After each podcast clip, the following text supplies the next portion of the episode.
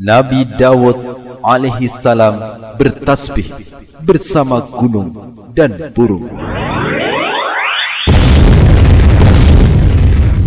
Anak-anakku sekalian, semoga kalian menjadi anak-anak yang soleh maupun solehah.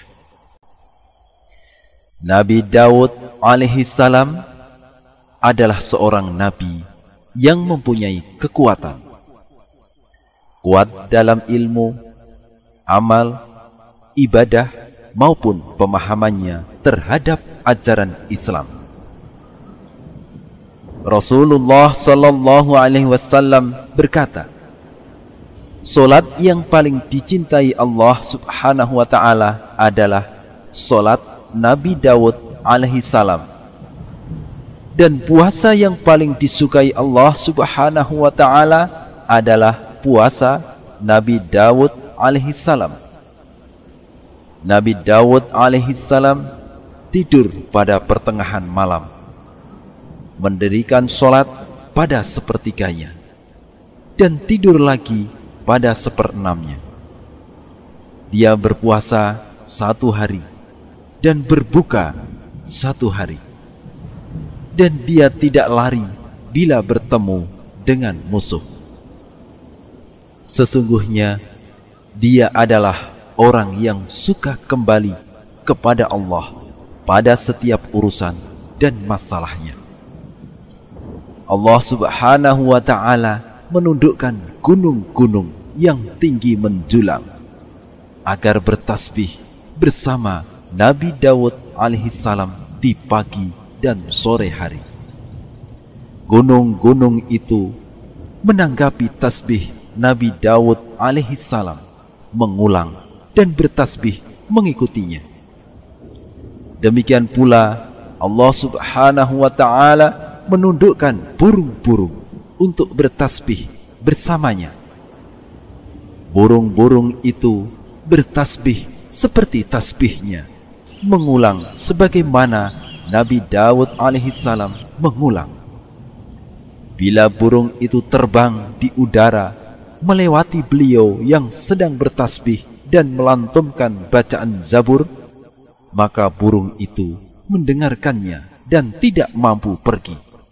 Bahkan berhenti di udara, bertasbih bersamanya, dan disahut oleh gunung-gunung yang tinggi menjulang, mengulang-ulang dan bertasbih mengikutinya.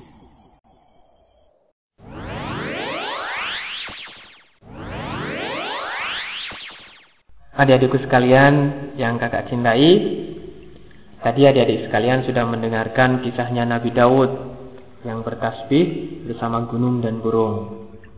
Siapa yang suka dengan kisahnya Nabi Daud? Baik, tentu adik-adik semuanya suka ya dengan kisahnya Nabi Daud tadi. Tapi tidak cukup sampai di situ adik-adik sekalian. Karena adik-adik harus tahu di dalam kisahnya Nabi Daud tadi ada faedah-faedah apa yang bisa kita ambil dari kisahnya Nabi Daud tersebut. Faedah yang pertama yang bisa kita ambil dari kisahnya Nabi Daud yang bertasbih bersama gunung dan burung bahwa para nabi dan para rasul Allah Subhanahu wa taala itu memiliki banyak keutamaan dibandingkan manusia biasa seperti kita. Para nabi dan para rasul itu lebih utama, lebih memiliki banyak keistimewaan-keistimewaan dibandingkan kita semuanya.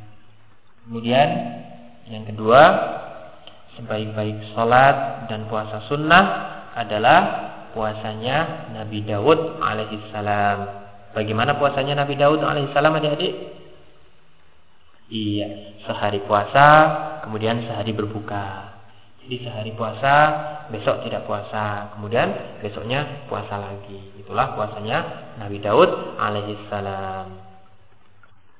Kemudian faedah yang ketiga di adikku sekalian, kita mengadukan segala urusan kita, segala permasalahan kita itu hanya kepada Allah Subhanahu wa taala.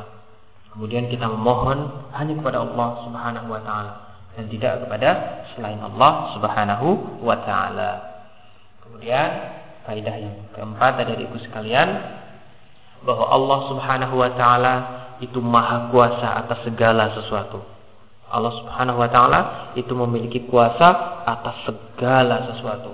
Demikianlah tadi adik-adikku sekalian beberapa faedah-faedah berharga yang bisa kita ambil dari kisahnya Nabi Daud yang bertasbih bersama gunung dan burung.